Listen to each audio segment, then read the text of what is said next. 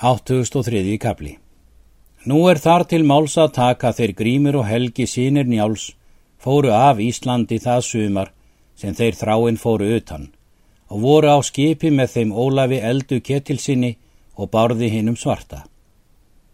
Þeir tóku norðan veður svo hörð að þá bar suður í haf og raki yfir myrkur svo mikið að þeir vissu eigi hvar þeir fóru og höfðu þeir útivist langa. Þá komu þeir þar er grunnsæfi var mikill og þóttust þeir vitað að það myndi vera nær löndum.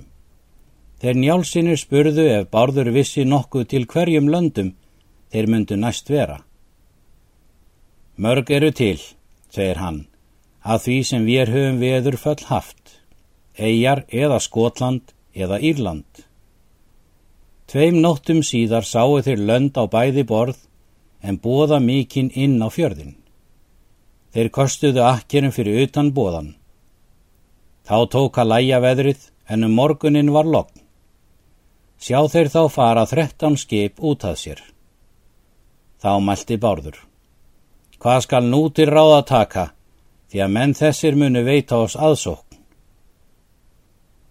Síðan rættu þeir um hvort þeir skildu verja sig eða gefast upp en áður en þeir höfðu ráðið komu að vikingar spurðu þá hvorir aðra að nöfnum hvað fyrirmenn hétu. Þá nefndust fyrirmenn kaupmanna og spurðu í móti hverjir fyrir vikingum væru. Annar nefndi skrjótgarður en annar snækólfur, sínir Moldans úr Dungalsbæ í Skotlandi, frændur Melkól Skotakonungs. Og eru kostir tveir af oss gerfir, segir grjótgarður. Að þér gangið á land en við munum taka fjöiðvart. Hinn er annar að við munum sækja aðiður og drepa hvert mann er við náum. Helgi svarar. Það vilja kaupmenn að verja sig. Þá mæltu kaupmenn. Mæl þú alls vesæl, hverja vörd munum við veita og er fjö fjörfi fyrra. Grímur tók það ráð að hann æfti á vikinga og let þá eigi heyra illan kur kaupmanna. Bárður og Ólafur mæltu. Hyggið þér eigi að Íslendingar muni gera spotta látum yðrum.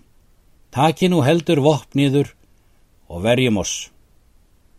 Tóku þeir þá allir vopn sín og festu það með sér að þeir skildu aldrei uppgefast meðan þeir mættu verja sig.